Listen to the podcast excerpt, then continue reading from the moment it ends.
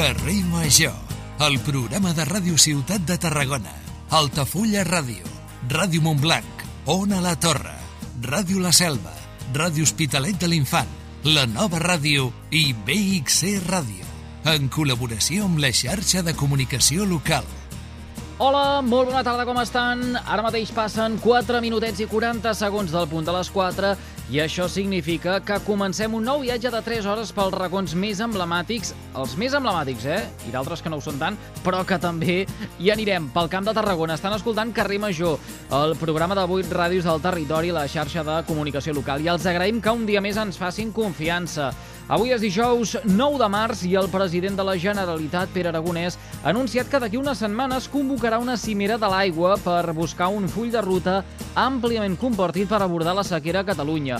Així ho ha anunciat durant la sessió de control al govern al Parlament, on ha explicat que amb això pretén compartir les mesures que vol aplicar, escoltar i rebre propostes i ajudar a conscienciar el conjunt de la societat que el moment de sequera és seriós, que Catalunya està en una situació difícil, que es necessita el suport de tots i que com més consens tingui, més defensa hi haurà en el futur. Per la seva banda, per cert, els comuns li han demanat abandonar els macroprojectes i el PSC ha retret al govern la manca d'inversions. D'aquí una estoneta connectarem amb el Servei Meteorològic de la xarxa per veure què ens diuen sobre les pluges. Avui que n'hi ha hagut en alguns punts del territori i a veure si ha acabat, eh, aviat acabem amb aquesta sequera. Aquesta edició del programa d'avui és la que fa 1027 i abans no toquin les 5, repassarem els titulars més destacats de la jornada al territori. Entrevistarem el president de l'Associació Empresarial Impuls CatSud, regió del coneixement. Com cada dijous, passejarem una estona amb la periodista i escriptora Cinta Bellmunt i els tonis ens sorprendran. Avui amb la truita de patates. Ja saben que ells són molt inesperats. Els saluden, com sempre, les vuit emissores locals del Camp de Tarragona que fan possible el programa en col·laboració amb la xarxa de comunicació local, amb Quim Espinosa a la producció executiva, Álvaro Rodríguez a la realització tècnica, Adrià Regasens, Anna Plaça, Gemma Bufies, Toni Mateos, Antonio Mellado, Iri Rodríguez, Àngel Aramayo, David Fernández i Miquel Llevaria a la producció i guió, i qui els parla, un servidor de tots vostès, Eduard Virgili. Ho tenim tot a punt, així que comencem.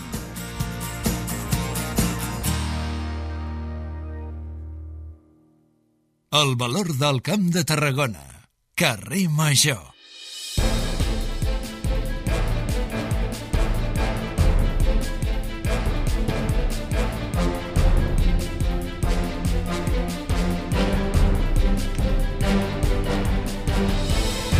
Estar ben informats de tot el que passa al Camp de Tarragona, només cal estar al cas del que diuen i publiquen les vuit emissores que fan possible Carrer Major. És dijous 9 de març del 2023 i això és l'Infotarda Daily. Ana Plaça, bona tarda. Tu diràs què tenim avui en portada. Bona tarda, doncs avui comencem destacant el rebombori polític que s'ha generat a Montblanc quan l'alcalde Josep Andreu ha anunciat el fitxatge del secretari municipal Maria Gomis com a número 2 de la seva candidatura a les eleccions de maig. Gomis és fill de l'exalcalde de Montblanc i també expresident de la Diputació, Josep Gomis, i actualment és el secretari de l'Ajuntament Montblanquí. En la seva presentació com a candidat a les municipals s'ha reconegut que si surt escollit regidor haurà de deixar la seva feina per incompatibilitat. La meva, la meva funció de secretaria seria incompatible amb la presa de possessió del càrrec de regidor, si és el cas. Espero que sí, evidentment. En aquell moment he de, he de renunciar a la secretaria, serà en aquest moment que hauré d'optar per una cosa o una altra. Evidentment, tinc un compromís ferm d'estar com a regidor de l'Ajuntament de Montblanc. La incorporació de Gomis a la llista de Progressa a Montblanc, la candidatura de Josep Andreu, ja ha generat reaccions polítiques. Esquerra directament ha demanat que presenti la dimissió com a secretari de l'Ajuntament perquè considera que no és ètic que sigui candidat i secretari al mateix temps. Més coses, seguim parlant de política. La CUP registra una proposició de llei perquè el fons nuclear arribi al 90%. La proposta ja s'ha entrat al registre del Parlament i també planteja que els diners es destinin a finançar actuacions de desenvolupament eh, socioeconòmic i de transició energètica justa a les zones afectades. El text, a més, aposta per repartir els diners de manera ponderada. Això vol dir que els municipis que estan més pròxims a la ciutat, a les nuclears, volem dir, són els que s'haurien de dur més diners. Laia Estrada, diputada de la CUP, ha dit que han parlat de totes aquestes qüestions amb el territori. l'hem socialitzat amb el territori, amb un seguit de eh, trobades, amb un seguit de reunions amb els diferents agents de les comarques eh, afectades per aquestes nuclears i que es beneficiarien d'aquests eh, fons. Um, I nosaltres el que hem fet és proposar eh, la, o socialitzar la nostra proposta i sobretot recollir quina és l'opinió del territori i incloure-la en la nostra proposta. Amb aquesta proposta de la CUP, el Fons de Transició Nuclear, que sorgeix dels diners que es recapta dels impostos que paguen les centrals, passaria de 24 milions d'euros als 108.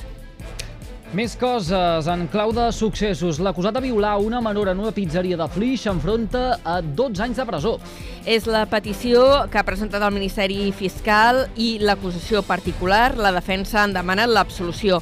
El judici ha arrencat avui dijous a l'Audiència de Tarragona i de moment s'està fent a porta tancada tancada, ja que s'està reproduint la declaració de la nena que en el moment dels fets només tenia 6 anys. I detingut un home per robar 68 comptadors d'aigua en 9 comunitats de veïns, a Reus. Els Mossos el van arrestar dimarts. Se li atribueixen 9 delictes de robatori amb força, 9 de danys, un delicte d'estralls.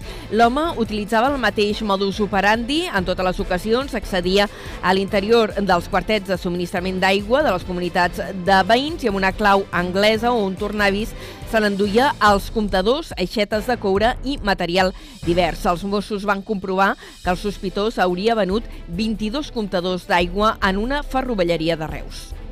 Carrer Major, la proximitat del Camp de Tarragona.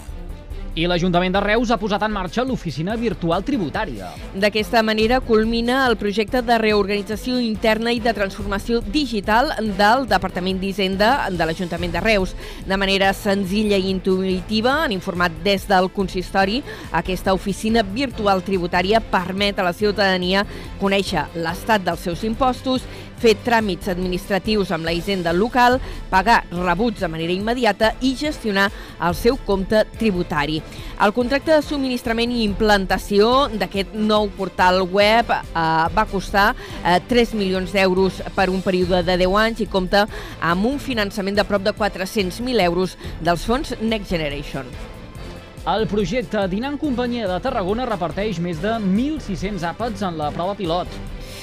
Aquesta iniciativa, que s'ha engegat a la llar municipal de Sant Salvador, està pensada per combatre l'aïllament social que pot patir la gent gran i ofereix dinars a preus reduïts. Davant la bona acollida que ha tingut aquesta prova pilot, l'Institut Municipal de Serveis Socials de Tarragona i l'Associació Socioeducativa Joventut i Vida han renovat avui el conveni de col·laboració i pròximament tenen voluntat d'estendre aquest servei a la zona centre de la ciutat. Pero hay una salud más importante, que es la mental, la de que estén cuidados. Yo personalmente pienso que no debería quedarse aquí. Si podemos extender, nosotros estamos dispuestos. Y es que tenemos un voluntariado muy especial. Y esa es mi fuerza, ¿no? Apostar por seguir transformando la ciudad. Por hacer un Tarragona una ciudad donde no se olvide de nadie. Que cada uno de nosotros cuente. Y que entre todos hagamos una ciudad mejor.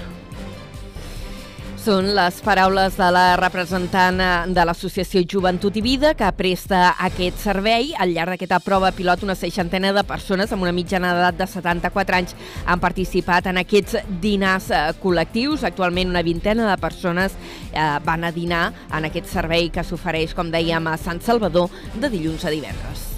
Carrer Major, fent camp de Tarragona. Dit tot això, coneguem quin temps ens espera de cara a les properes hores. Lluís Mi Pérez, sembla que tindrem una tarda força suau malgrat els núvols. Força núvols i encara alguna pluja a les immediates hores, sobretot a les comarques de Tarragona, on ja portem entre 2 i 7 litres per metre quadrat. De moment els núvols molt esquifits i simplement esfilagarçats els que arriben a la Costa Brava i encara amb vent de ponent, vent de garbí, que avui s'està reforçant una altra vegada a la Costa Brava Sud i també en algunes muntanyes de l'interior de Girona, bàsicament entre les comarques del Ripollès i de la Garrotxa. Al llarg d'aquesta tarda s'obriran algunes clarianes, però el temps serà molt traïdor perquè es tornaran a formar nuvolades que deixaran ruixats i algunes tempestes. Apareixeran de cop, vindran des de l'Aragó i escombraran gairebé fins a la costa. En el cas de la Costa Brava, molt poquet, però a l'àrea metropolitana de Barcelona, al Camp de Tarragona, Terres de l'Ebre, també gran part de la Catalunya central, aquests ruixats acabaran caient de forma intermitent, amb alguna tempesta. Cotes de neu al Pirineu al voltant dels 2.200 metres i l'ambient molt suau malgrat els moments de núvols. Demà un temps encara més asserenat, una altra vegada molt ventós, sobretot al sud del país, i amb una temperatura molt confortable. Ho anirem seguint, aquí a la xarxa. Moltíssimes gràcies, Lluís Mi. Gràcies també a Anna Plaça per aquesta pinzellada informativa amb el més destacat de la jornada al Camp de Tarragona. Fins després. Fins, fins ara, adeu-siau. Tots vostès poden recuperar l'info Tarda Daily d'aquest dijous, dia 9 de març, mitjançant les xarxes socials de les 8 emissores que cada tarda passegen plegades pel carrer Major. Gràcies per seguir-nos.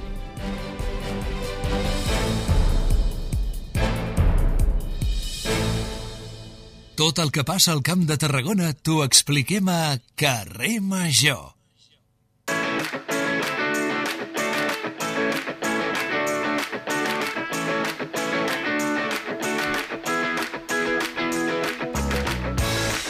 Són en punt un quart de cinc de la tarda. Per cert que l'Anna Plaça, la nostra companya Dona la Torre i editora del tram informatiu de Carrer Major, la tindrem de nou aquí a partir de dos quarts de set. Ampliarà aquestes qüestions que acaba de comentar ara tot just fa una estona i ens en aprovarà moltes d'altres d'interès de tots naltros. En tot cas, el que hem de fer ara amb aquesta sintonia que tenim de fons és saludar el nostre company de BXC Ràdio, en Miquel Llavaria, l'home de la unitat mòbil del programa. Miquel, Bona tarda, bon dijous. Bona tarda, bon dijous, Eduard. Doncs, escolta, una altra tarda que, a veure, ara per, pel que estic veient no està plovent, just on estic No. ara mateix.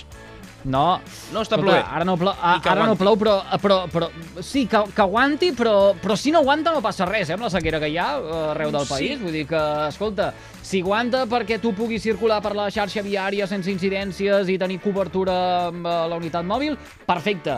Però, però si plou, eh, escolta, mira, tot això que eh, guanyarem després de tants mesos sense pluges. Sens dubte, jo, avui mateix ja, ja em coneixeu, eh, vinc del Forja mateix i allí mateix estava plovent, només m'he aixecat pel matí i és el que he pensat, he dit, ostres, ara que si agafar paraigua, que si no sé què, que si després la jaqueta, no sé quantos, però a la vegada penses, és que portem no sé quant de temps queixant-nos de que no plogui, doncs mira, que vagi plovent i sobretot que vagi plovent cap amunt, que és on tenim els pantans, és on tenim els rius, és on tenim les muntanyes i allí és on fa falta que plogui. Sí senyor, les capçaleres. Escolta una cosa, no parlem de pluja ara, uh Mhm. -huh. eh, després més endavant, si convé, ja connectarem de nou amb el servei meteorològic de la xarxa de comunicació local. Si us plau, avança'ns, on te'n vas avui amb la unitat mòbil de carrer Major? Doncs mira, us ho avanço, anirem a Creixell. Anirem a Creixell per conèixer un joc que han creat, eh, que a mi em sembla bastant interessant, que és un joc de cartes, eh, el qual han creat des de la regidoria d'Igualtat d'allí de Creixell, per donar a conèixer, per visibilitzar eh, figures de dones que són referents. Eh, ja que ahir va ser el 8 de març, doncs me sembla de que podem seguir parlant de, del tema, perquè moltes vegades sem- sempre se diu això, no? Només s'ha parlat el dia del 8 de març i després se n'oblida. Doncs ja que hi ha regidories o hi ha territoris on avancen i fan activitats durant la setmana i algunes fins i tot durant tot el mes de març, estaran de 8 de març, doncs escolta, avui encara que ja siguem 9 de març, doncs seguim parlant de dones. Fantàstic, molt bé, me n'alegro. Per cert, molt interessant aquest joc de cartes. Jo ja l'he vist i eh, et, et recomano a tu que paris atenció i que els oients estiguin atents a aquesta connexió que ens oferiràs d'aquí a un parell d'horetes. Si et sembla, de moment ho deixem aquí. Ens quedem amb el titular, eh, més endavant ho ampliem. Gràcies, Miquel, fins després. Vinga, ens veiem. Un passeig al carrer Major cada tarda a la teva ràdio local.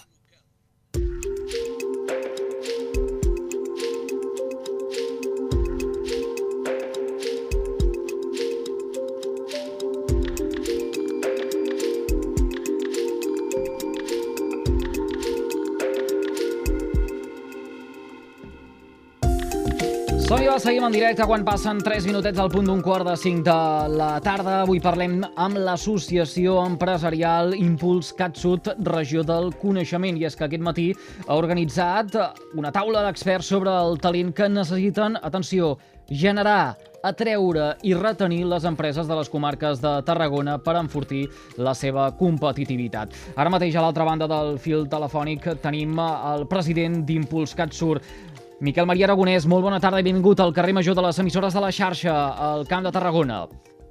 Hola, molt bona tarda. Moltes gràcies per atendre'm i per donar-me un forat per poder explicar les nostres activitats, no? concretament aquesta taula que hem organitzat avui sobre el talent.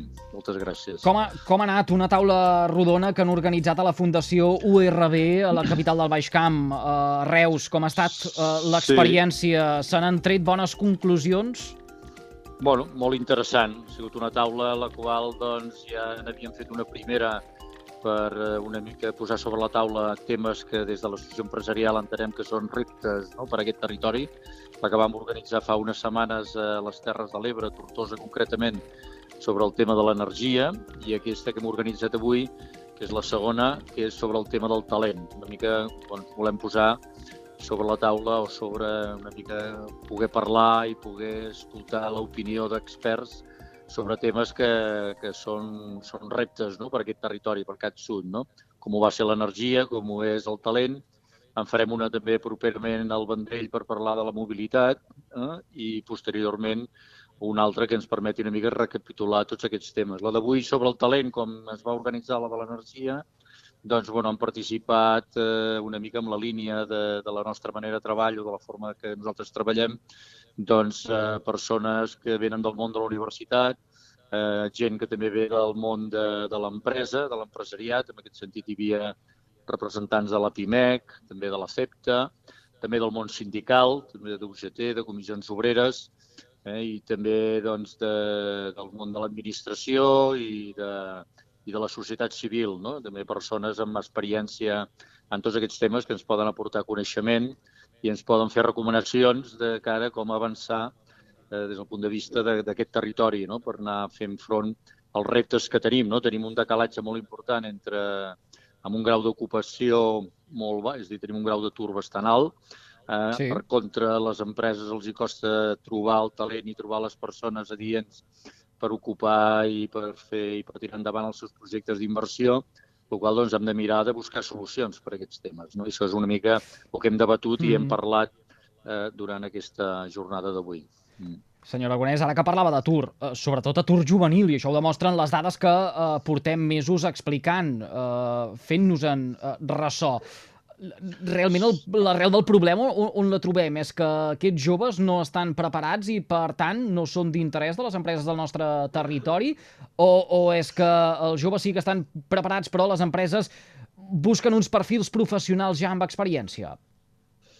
Bueno, hi ha, el que és cert és que hi ha un decalatge, vull dir, hi ha una, hi ha una falta de, de comunicació. Eh? És a dir, eh, potser les persones, com les formem, amb, quines, amb quins títols, amb quins coneixements els hi donem una mica per tenir aquest talent i el que necessiten les empreses va com amb carrils diferents. No, no acabem de trobar la manera de que això coincideixi, que, no? experiències com les d'Alemanya que van potenciar ja fa més de 40 anys, no? com ens explicava algun dels ponents, tot el tema de la formació eh, professional dual, que és una experiència molt exitosa i que no hem sigut capaços de bueno, ara hem començat, no? hem començat a fer algunes coses, concretament a través del clúster TIC i d'alguns sectors molt concrets s'ha buscat aquest apropament no? entre el que és eh, el talent i la formació i, i el jovent i quines són les necessitats de les empreses. Però encara hi ha molt per recórrer, hi ha molt per fer. Vull dir,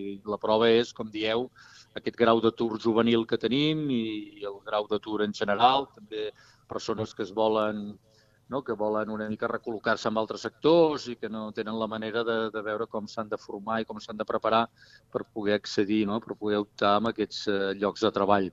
bueno, són coses que, que s'han debatut, que s'han parlat i que tant des del sector empresarial com el sindical, com experts que han participat de la Fundació Talentea o també de la Universitat de Girona o de la URB o de la pròpia Diputació han posat temes sobre la taula que ara doncs, haurem d'anar una mica reflexionant, una mica traient-li una mica el, les conclusions i veure una mica quines mesures o quines polítiques podem intentar promoure no? o posar en marxa a veure, des del nostre sector per promoure-ho, doncs, sigui a l'administració, sigui a les empreses i, i intentar anar mm. buscant solucions. No? Mm. Senyor Aragonès, això ens passa en altres? És a dir, eh, és una problemàtica que patim al camp de Tarragona o eh, podem trobar símils en d'altres punts del país o, o, o fins i tot de l'Estat? Bueno, eh, el que és cert és que sí, és una problemàtica bastant general, però això no vol dir que hi hagi... Nosaltres hem visitat doncs, eh, comarques, per exemple, hi ha una comarca al nord d'Espanya, de, que és eh, eh, una comarca que m'agrada a mi posar-la com a exemple, perquè la vaig estar visitant, que és Goierri, que és allà al municipi de Beassaïn, a prop de Sant Sebastián, que en el seu moment van tenir una crisi molt important eh, derivat de tot el tema de la siderúrgia, del ferro i de més, van tenir un grau d'atur molt alt i que arrel d'això van crear una agència que es diu Agència Goieki, on eh, és una agència pública que van promoure els ajuntaments del territori, també amb el suport del govern basc, però també amb una important eh, vinculació o compenetració amb tot el sector empresarial per mirar de buscar aquelles solucions que d'alguna manera havien de permetre recol·locar tot aquest atur que tenien. I el cert és que ara Go Goierri, aquesta comarca, té un grau d'atur del 4%, deu ser dels més baixos d'Espanya, i té una renta per càpita també de les més altes. I, i entenem, i almenys pel que ens expliquen allà els responsables, que el fet d'haver posat en marxa aquesta agència, aquesta entitat que ajudava una mica... bueno, això una mica en el nostre discurs, no? igual que l'altre dia que parlàvem de l'energia, no? una mica ens porta que, bueno, ja ho veurem una mica quan debatem les conclusions, però ens porta una mica doncs, que potser necessitaríem també eh, alguna entitat territorial aquí de Cat Sud no? que ens ajudés una mica a avaluar aquests reptes que tenim i el del talent i del grau d'ocupació i de l'atur i tal és un, independentment de que pugui ser general també a Catalunya o altres regions, però bueno, el cert és que ho patim aquí i hem de buscar solucions i potser la posta en marxa i, i veure quines experiències hi ha en altres territoris que, en les quals nosaltres ens puguem en, en, eh, eh, eh, el qual puguem una mica intentar copiar no? I, i per tant doncs, poder posar en marxa doncs es pot, ens pot ajudar. No? bueno, estem una mica amb, aquesta, amb aquest debat, no? amb aquesta, amb aquestes mm. reflexions. Mm -hmm. qui, qui té la clau per solucionar el problema, senyor Aragonès? Uh, són les empreses que potser de vegades no ofereixen els contractes que es mereixerien uh, aquests joves o uns salaris que, per exemple, no donarien per uh, gaudir d'una certa uh, estabilitat? Uh, és l'administració que uh, ha d'apostar i ha d'invertir també en aquest eh, bueno, sentit? Nosaltres entenem, i en aquest sentit, el fet de la nostra filosofia, la nostra manera de treballar, encara que siguem una associació empresarial no? i que surt del món de l'empresa, entenem que les solucions, com ha en el seu moment va haver la iniciativa des de la Diputació, bueno, que encara, no? que encara s'ha seguit treballant, i des de la Universitat Rovira i Virgili, de promoure la regió del coneixement, això propugnava doncs, una fórmula de treball més amb la línia de la quadruple hèlix, en la qual doncs, ha de ha d'haver-hi una bona coordinació doncs, entre el que és el sector, eh, entre el que és l'administració, entre el que és l'empresariat, entre el que és la universitat i la societat civil. La suma de tots és el que ens permetrà una mica buscar, trobar aquestes solucions i posar-les en marxa. Un sector per si sol, l'empresa per si sol, tampoc ho podrà resoldre. L'administració probablement tampoc, perquè ja ho ha intentat i tampoc s'han acabat de sortir. Per tant, hem de mirar de buscar aquesta fórmula no? d'estar tots una mica i buscar aquells consensos que ens permetin una mica veure quines són les solucions i entre tots posar-les en marxa. Si ens posem a la pell eh, ara de, del treballador, sobretot d'aquest eh, aquest, eh, jove, se'l sedueix prou des del territori per quedar-se al territori, senyor Aragonès? Eh, de vegades tinc la sensació bueno, nosaltres... que es vol fer el salt o que es vol marxar fora i en acabat des d'aquí eh, lamentem la fuga de cervells eh, bueno, un dels tècnics, un dels experts, avui ens ho deia, no? Vull dir, hi ha uns rànquings a nivell mundial no? que d'alguna manera creen una mica aquells entorns, aquelles societats que poden ser més interessants des del punt de vista del jovent. No? I, I clar, la posició que té Tarragona, Reus, dintre d'aquest rànquing d'unes 4.000 ciutats o entorns arrel del món, doncs eh, estem en una posició dels 700 25, 730, comentat, quan Barcelona està en una posició de, a prop doncs, dintre dels, de, la, de la primera trentena de ciutats no? que, que tenen més aquesta, aquesta doncs, d'alguna manera, eh, aquest interès perquè la gent jove, perquè la gent que busca reptes importants i professionals i de més, perquè hi vagin. Això no vol dir que potser això la gent jove, una de les reflexions que també fèiem és que en canvi potser la gent quan, quan ja té una edat una mica més avançada, no? quan ja es planteja, home, jo si m'agradaria formar una família, comprar-me una casa, un pis, fer no sé què, busca potser altres temes més enllà d'aquestes ciutats o aquests entorns punters. I aquí doncs, el nostre entorn podria jugar aquest paper, no? però per poder captar amb tota aquesta gent hem de fer que aquest territori sigui atractiu eh? i és un dels reptes que també tenim a nivell de l'associació empresarial, eh? ser capaç de crear una marca, no? CatSud, que digui, home, és un entorn agradable, hi ha, hi ha possibilitats de feina, de treball, amb un bon nivell econòmic, amb un bon entorn eh, cultural, no? de, de qualitat de vida, etc. Bueno, això ho hem de fer atractiu i fer, i d'aquesta manera captarem aquest talent, no? aquestes persones que d'alguna manera han de viure. També això va vinculat i també és un dels temes que, que a veure, que nosaltres sols no solucionarem, però que, que posem sobre la taula, com és el tema també de la mobilitat, no? de tenir una bona interconnexió no? amb, amb les principals ciutats, en Barcelona, en Madrid, i això també eh, faciliti una mica captar aquest talent, que aquest talent resideixi aquí, no? que no, en alguns casos que no se'ns marxi, en altres casos que vinguin cap aquí. No?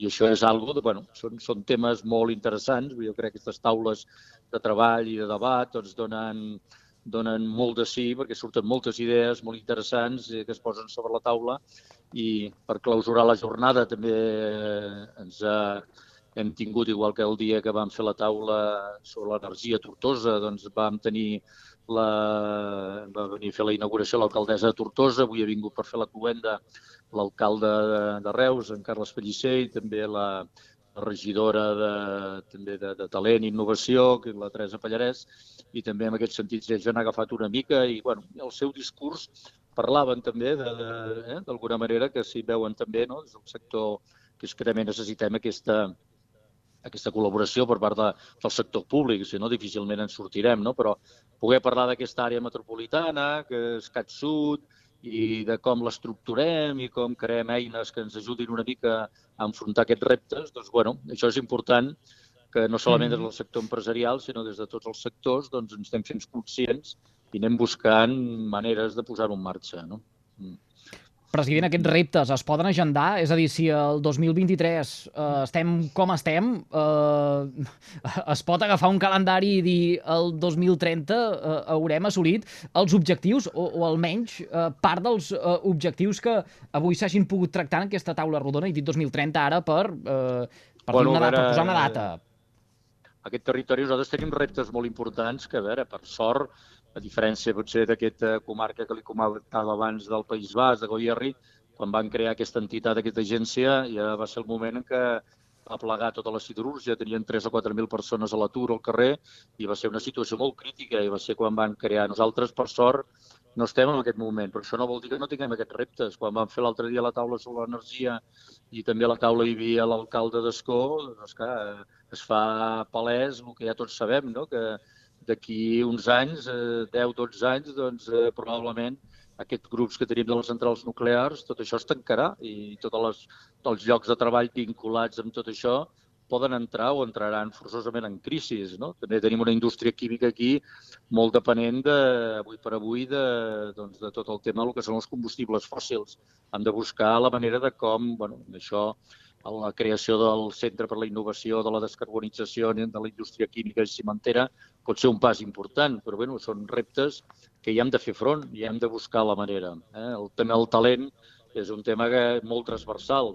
Això afecta no solament a la química, afecta al sector turístic, a l'agroalimentari, a tots els sectors. I per tant això, doncs, quan serà i quan hi arribarem i quan d'això? Bueno, nosaltres, de moment, anem posant aquests temes sobre la taula ens agradaria que, clar, no, no tenir que arribar al 2030, que molt abans poguéssim tenir aquestes eines no? que ens han d'ajudar a fer front a eh, tots aquests reptes, no? entre ells aquesta agència que li comentava o altres fórmules que puguem veure que ens poden ajudar a fer-hi front i a, i a poder una mica anar resolent aquestes qüestions. No? Mm la sostenibilitat i la manera com es eh, desenvolupi el territori serà clau per això. Eh, eh, ara eh, feia referència doncs, als combustibles fòssils o a l'energia nuclear, podríem parlar d'hidrogen verd, podríem eh, parlar eh, de, de, del projecte, del macroprojecte del eh, Hard Rock, eh, de les eh, comunicacions, ara que feia referència també a la mm. propera taula rodona que organitzaran. Sí, bueno, al final està clar, la sostenibilitat és un tema clau. Aquest és un territori, de totes maneres, que, que per sort tenim, tenim recursos, no? És un territori que té aigua, és un territori que té vent, que té sol, que tenim dir, que recursos bàsics per crear i per potenciar totes les renovables hi són. També tenim una indústria de base, com és la, bueno, els mateixos sites que tenim a la nuclear o els mateixos emplaçaments que tenim a la química, si ara ho haguéssim de crear de nou seria molt difícil. Ho tenim, està sobre la taula. Hem de ser capaços d'avaluar aquests reptes i amb aquesta mentalitat doncs, d'economia doncs, circular, sostenible, etc, veure com hi fem front i com, i com tirem endavant, buscant alternatives i buscant solucions que es garanteixin els llocs de treball, que garanteixin una prosperitat, un benestar doncs, a llarg termini, no? que és dels objectius bàsics que tenim com a associació. No? Mm. Impuls CatSud, regidor del coneixement, és l'associació empresarial independent i sense ànim de lucre que es marca com a propòsit potenciar la competitivitat i el desenvolupament sostenible de les comarques de Tarragona. Agraïm moltíssim al seu president, el senyor Miquel Maria Aragonès, que hagi acceptat la invitació del carrer major de les emissores de la xarxa al nostre territori. Senyor Aragonès, un plaer. Molt bé, moltes gràcies igualment eh, per fer-nos a costat. Gràcies, adéu bona tarda. Bona tarda. Adéu Ser a prop vol dir veure les coses més bé. Apropa't al que t'interessa amb la xarxa Més. La teva plataforma audiovisual de qualitat, proximitat i gratuïta. Gaudeix dels continguts de més de 30 televisions locals i podcast quan, com i on tu vulguis. Entra a la xarxa més.cat i descarrega't l'app.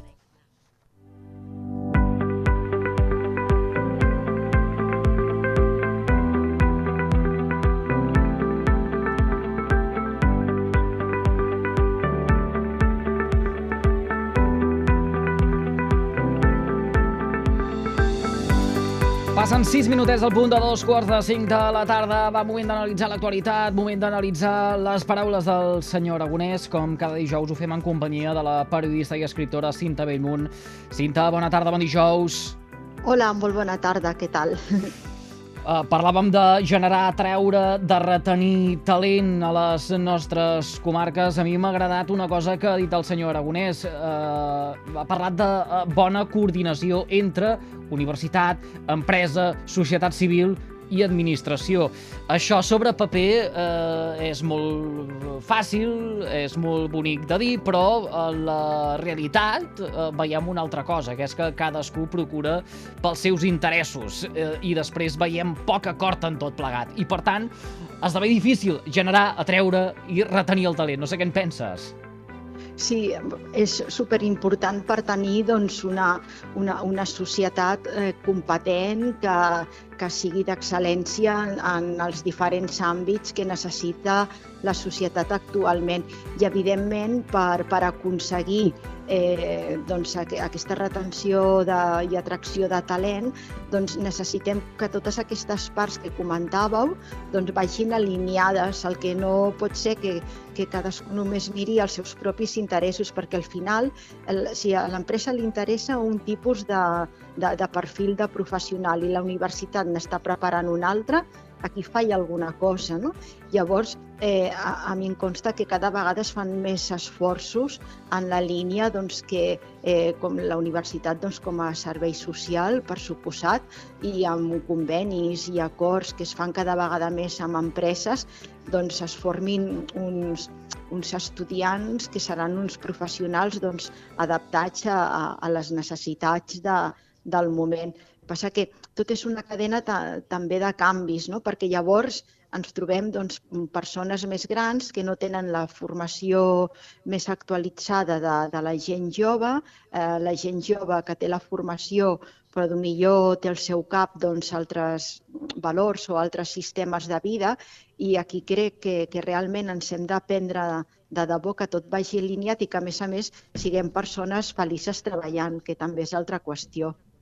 I tant. Uh, de fet, eh, és mm, primordial que a un li agradi allò que fa, sí. si no malament sí. rai. Eh? Uh, I tant. Uh, al final passem per aquí, més val uh, estar a gust. Escolta, creus que ens trobem en un moment d'oportunitat uh, pel fet que uh, ara uh, la sostenibilitat és un dels eixos en uh, tots els sectors, eh?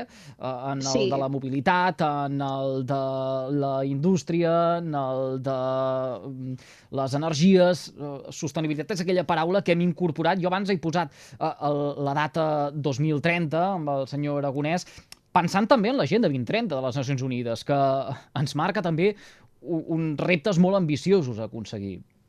Sí, és, és ambiciós i, i és complex, però em penso que això també ens ha de motivar, perquè tots aquests canvis eh, pot ser a, a, a nivell doncs, d'empreses, a nivell de professionals i de totes les edats, també pot ser una, una motivació i un revulsiu doncs, a vegades que ens cansem de les feines o de fer sempre el mateix, doncs de, de posar-nos les piles i de pensar coses noves, innovadores, emprenedores i d'intercanvi també intergeneracional. I per suposat que jo crec que en els grans reptes és on hi ha les grans oportunitats i on hi ha, poden, pot ser un calaix enorme de, de motivacions per tot el col·lectiu en, en edat de, de treball. Aquí cal doncs, ganes, il·lusió, que evidentment des de les institucions i des- de les empreses i també des dels centres que, que es forma doncs, mm, es posin a, a- els mitjans i s'intenti fer doncs, el, els canvis adients perquè d'una manera doncs, tots ens encarrilem al mateix temps cap a, cap a aquest nou horitzó. Eh, penso que els canvis no ens han d'espantar, han de ser eh, un, un estímul i la vida s'evolució en tots els sentits. Llavors, eh, la història de la humanitat és una història de, de, de canvis, de readaptació i d'anar sempre cap endavant el millor possible. I amb tot això, escoltar també què és el que diuen i volen els joves, eh, que potser donem per fet que el eh, jove eh, no es queda al seu territori perquè no hi ha aquesta oferta laboral, però potser el jove també vol marxar, també vol volar. Eh, jo ho entenc que, que a vegades tens ganes i, i penso a més a més que és necessari volar, però després mm, eh, a mi em dóna la impressió que als pobles, per exemple, eh, que abans la gent jove no tornava, ara a vegades sí que tornen i, i tenen iniciatives, iniciatives emprenedores, doncs més acord amb un món sostenible i una oferta doncs, de, de productes artesanals, d'un turisme doncs, més sostenible, més, més cultural, no massificat. Penso que, que una mica s'estan donant passos. El que entenc que és normal que has de sortir del teu lloc, de la teva zona de confort, marxar-te una temporada, aprendre i, i formar-te i, i llavors, eh, doncs, si et ve de gust, doncs, tornar, però que també et possibilitin que aquest retorn doncs, puguis doncs, desenvolupar eh, la teva idea, el, el teu servei, el, és, aquí hi ha d'haver-hi una mica per, per part de, de, de, de, tothom. No, no marxaràs si t'estaràs formant per tornar doncs, al teu, a la teva petita localitat i, i quedant-te a casa tancat o fent feines que, que no, per les quals no t'has format. No? Llavors, doncs, ja, eh, i, em sembla a mi que en aquest també món que tenim ara tan alterat, doncs, eh, aquest retorn, a vegades doncs, hi ha persones joves que al cap d'un temps ta també ho agraeixen. I quan ets més gran, doncs encara més. Llavors és eh, que et facilitin a veure com... I ara amb el teletreball i per la gent més gran, segons la feina que desenvolupis, pots combinar Sí. una mica més aquesta tornada al, al territori també, no? uns dies i, i fer vida allí i, i si estàs més al territori també et poden suggerir més idees sobre terreny de, de fer alguna aportació professional que quan estàs lluny tampoc se t'ocorre, tens altres coses al cap i no és tan fàcil de, de pensar-hi si, no, si no estàs sobre terreny. Va, dit això, dos minuts i ens plantem al punt de tres quarts de cinc de la tarda. Ara me'n vaig a la selva del camp. Uh, Cinta, uh, abans de- d'acomiadar-te, deixa'm que et pregunti, la truita patata, amb ceba o sense ceba? Um, Vindria a ser la dicotomia, eh, com aquelles que abans ens llançava el senyor Ramon. És una dicotomia, però vull una dicotomia que té el, el, el seu per què. Eh, El per què és que eh, aquest eh, 9 de març és el Dia Mundial de la Truita de Patates. A, a mi amb ceba, és que la ceba m'agrada molt. Llavors, doncs, penso que, que li dona un toc, sobretot per... Jo sóc una negada a la cuina, però persones que tinc a l'entorn i que les fan molt bones, per mi la ceba és un valor afegit, a més a més és molt sana, o sigui que uh, jo votaria per la truita de patates en ceba sense cap dubte. Doncs uh, a veure què ens diuen ara els tonis entorn de la truita de patates, si amb ceba o sense ceba. Mm, ells que, ells que uh, són fets també de la seva pasta segur que tindran alguna explicació així fora del normal. Cinta Bellmunt, gràcies un dia més per compartir aquesta estoneta amb tots nosaltres. Una abraçada ben forta. Un plaer, com sempre, una abraçada. Adeu.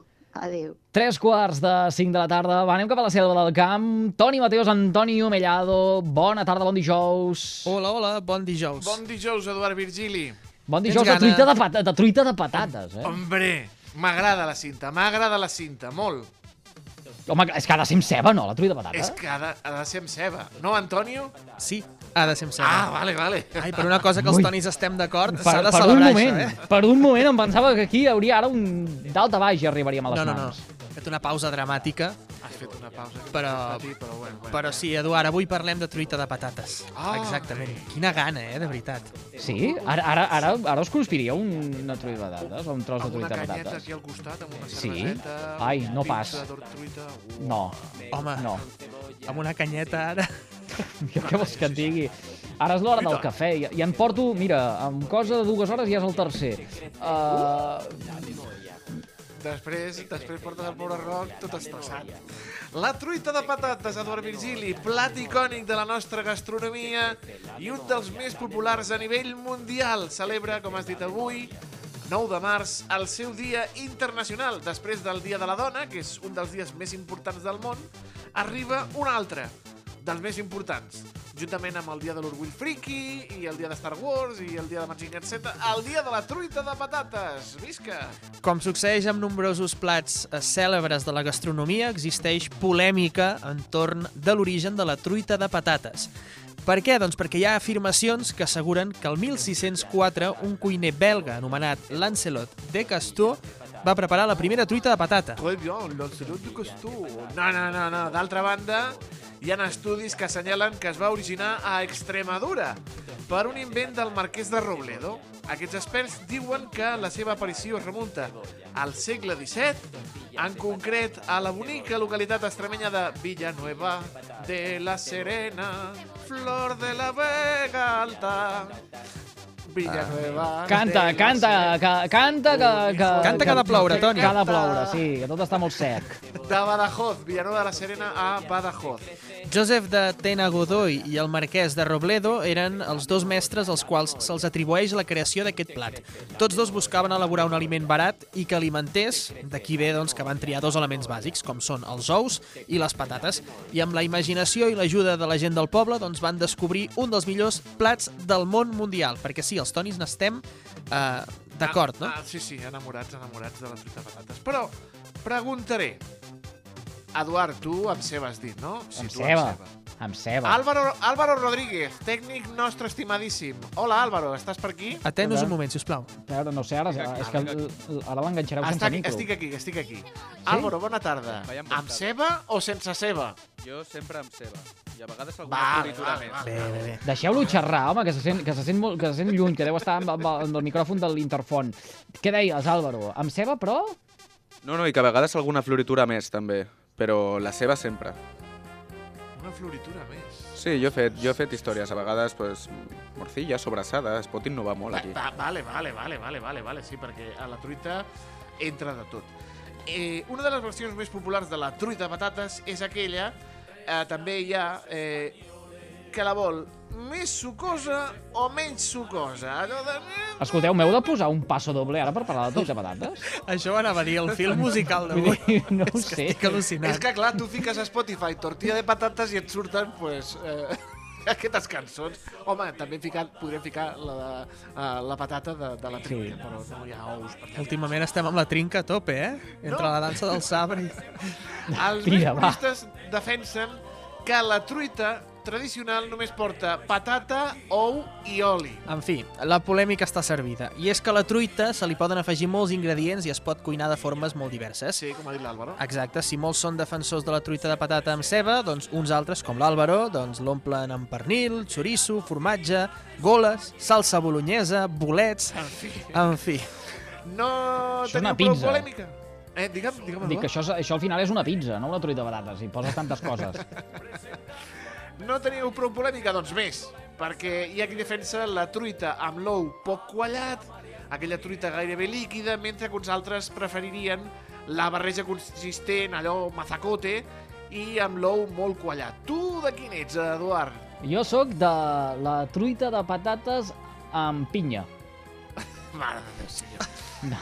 Mare de Déu, senyor. Ai, Cal recordar senyor. No, que jo, els am, amants... a mi m'agrada que l'ou que, que quedi allò... plori. Um, sí, que plori una mica, sí. Molt bé, molt bé. Però tu que ets dels primers, cal recordar-te, Eduard, que s'ha d'anar amb molt de compte per problemes digestius, que pot implicar ingerir un ou gairebé cru si està en males condicions. D'aquí ve que sigui molt complicat trobar aquesta truita que ens agrada a tu i a mi, eh, amb ceba i amb l'ou que plora en, eh, en bars i restaurants. Ai, és complicat. Vinga, eh, curiositats, Eduard. Anem a passar a curiositats, que sempre ens agrada a tots. Això, mira, la truita més gran del món es va fer a Vitoria com a part Home. de les celebracions d'aquesta ciutat com a capital de la gastronomia el 2014 i va comptar la truita amb 5,2 metres de diàmetre, 7 centímetres de profunditat i 3 tones de pes. Toma. Com la van girar, Per a- com, la van, com la van girar aquesta truita? Tortilla vasca, oye, pues a pulso, como, como somos vascos, a pulso. Per aconseguir el rècord van necessitar 12.000 ous, 1.500 quilos de patata d'àlava, 180 litres d'oli i 15 quilos de sal de les salines d'Anyana. El Campionat Nacional de Truites, celebrat a Tenerife, que també hi ha un Campionat Nacional de Truites, van triar l'any 2019 la, 2019 la millor truita del país. Aquesta l'elaboren en el restaurant Casa Dani de Madrid, a base de patata, agra de man manxega, o sigui, de la manxa, i ceba caramelitzada, poc qualladeta i fregida a base d'oli de girassol. Però, Però, el mes de gener passat, un brot de salmonel·losi Ai! es va desencadenar a Casa Dani, Casa Dani! Casa Dani! Ai, Casa Dani! al Ai. Mercat de la Pau. I ara mateix, de fet, estan tancats. Una infecció alimentària on un centenar de clients van ser afectats, dels quals més d'una desena van haver de passar per ingrés hospitalari. Home, Ai, ja... Dani! Coi, haguessin fet servir oli d'oliva, eh, de- de- de- d'aquí, de, del, dels Del de. Tarragona, eh, sí, sí. Després de la investigació que es va obrir des de Sanitat a Madrid, es va descobrir que la presència d'aquest brot de salmonel·losi es va originar perquè diversos treballadors portaven el bacteri i ho desconeixien, o sigui que no era pels aliments. Caram. Curiós que el millor lloc del món on menjar-te una truita de patates estigui tancat doncs, per salmonel·losi. És curiós. Eduard, tu creus que una truita es pot fer sense ou? I sense Home, no, patata? De, de, diuen que per fer una truita abans s'han de trencar els ous, no? Ah, Doncs uh, ens podríem equivocar, eh, fins i tot, perquè la resposta és que sí que es pot fer una truita sense ou i sense patata. Mira, de fet, el cuiner Ignasi Domènech va escriure Cuina de recursos durant la Guerra Civil, un llibre de cuina que també serveix com un testimoniatge de la fam d'aquella època. I en aquest receptari, molt interessant per cert, s'inclouen idees d'elaboracions per fer front a l'escassetat de recursos. Entre aquestes, per exemple, es troba la truita sense ou, un substitu que se substitueix per bica bicarbonat, aigua, farina, julivert, pebre vermell i oli. Una mescla a la qual s'hi afegien la resta d'ingredients que es disposaven, com patates, cebes, fesols, carbassó, etc. mira, en lloc d'ou, doncs mira aquesta combinació de bicarbonat, aigua, farina, julivert, pebre i oli. Està molt bé, però I jo si- prefereixo la dels ous. Sí. I si no hi havia ous, Eduard Virgili s'utilitzava la part blanca de les taronges. On que són de bones, eh? Les que el nen, el Miquel Montoro, el nostre amic youtuber, diu que l'hem de menjar perquè en són de bones, la part blanca de les, de les taronges. La part blanca la ficaven en remull en aigua per posteriorment fregir-la. Així feien truita de patates sense ou ni patates. Un clar exemple de supervivència durant la guerra. I tant. I ara sí que parlem d'idees, d'invents, d'artistes, doncs no podia faltar la truita deconstruïda del senyor Ferran Adrià. Quina por. A, a, a, a, A. Exacte. El xef, que va canviar la manera de veure la cuina, introduint-se a la recerca de tècniques, ingredients i aportar aquest nou enfoc, va popularitzar aquesta versió de la truita de patates, una idea original que va partir de l'escuma de patata del seu restaurant El Bulli. Una cuma de patates que fem aquí a Arbulli molt i molt bona. La desconstrucció. Feta a base de ceba confitada, sabanyó d'ou i escuma de patata, va suposar una manera completament diferent de degustar aquest pelat tradicional de manera creativa, amb l'agència del Ferran Adrià. Un innovador i respectuós amb el sabor. Però no content amb això, el nostre amic Ferran Adrià va crear la truita de patates express. Ah, sí? Això com es fa? Al, micro, al, mic al microones o què? Ah, no, però... Imagina't, ara t'ho explica l'Antonio. Sí, mira, eh, Eduard, si de sobte arriben uns amics a casa a sopar però no tens patates, què millor que unes patates xips de bossa? Ojo, eh? Mm. Agafem una bossa de patates de les bones, les triturem, les barregem amb sis ous, ho fiquem a la paella i ja tenim una truita de patates express, estil al bulli, ojo, eh? Per aquells amics que doncs, es presenten a casa a veure un partit o una peli i de sobte te'ls trobes allà asseguts al sofà amb ganes de, de, de, de teca. Eh, jo l'he provat, del Virgili. Jo també. Com, diu, com dius tu? Jo no l'he provat sí, mai. Sí, jo movia el cap, el Toni perquè m'està veient a través de les càmeres que tenim instal·lades als estudis. Jo movia el cap perquè, perquè sí, queda com una, una cosa més farinosa, com una mena de massa Sí. uniforme. Jo, què vols que et digui? Però potser no vas ficar patates de les bones, de bossa de les bones. No, clar, és cert, no vaig posar patates de les bones de, de bossa, sinó que vaig agafar unes patates caducades eh, de- de- d'aquelles que ja eren toves. I vaig dir, què hem de fer amb això? Llençar-ho? No. Cuina de reaprofitament, tu. Ai, Déu meu senyor. I si no queda més remei, Eduard, també hi ha truites preparades. A veure, no és el mateix que una feta a casa, eh? Ni de lluny. Però et pot treure d'un compromís si tens uh, una a la nevera. N'hi ha de molts tipus, de moltes marques de supermercat, amb ceba caramelitzada, sense ceba, amb xoriço, escalfar, plim, al microones i llesta. Repetim, molt millor eh, la que puguis fer a casa teva amb 6-8 ous, 3 o 4 patates mitjanes, sal, oli i ceba. Sempre ceba, sempre, sempre. Jo recordo que un cop vaig intentar colar una truita de patates eh, De, del supermercat. de supermercat en un concurs Sí? de cuina que fèiem a classe i va colar. Va colar? Sí, Sí sí, o sí, la gent li va encantar. Mira, Me'n ah, recordo, em- vaig ser l'únic eh, que va fer aquest desastre. Això no ho feu mai, eh? Quan Ah. en un concurs de... Però, ja, però de- escolteu, hi ha, hi ha, una, hi ha un, eh, alguna manera... No, eh, jo ja sabeu que a la cuina sóc un negat i, per tant, eh, no em feu gaire cas. Eh, però eh, mon germà eh, sí que fa una, fa una truita de patates, però al microones. Però, però sense, ni patates xips ni res, eh? Vull dir, patata del canabec, oli d'oliva verge extra eh, i, el, i, el, i els ous com, Home, primer com Déu de mana. fregir, primer l'haurà de fregir, la No, patata. eh, però ara m'enganxes aquí fora Truca'l, de... truca'l durant la pausa publicitària Ah, i que t'ho expliqui. eh, ja ho aclarirem, això. Toni Mateus, Antoni Mallado, hem de marxar a publicitat, que acabeu de passar un bon dia mundial de la truita de patates. A reveure! Adeu! Adeu. Fem ara una petita pausa i de seguida tornem. Fins ara!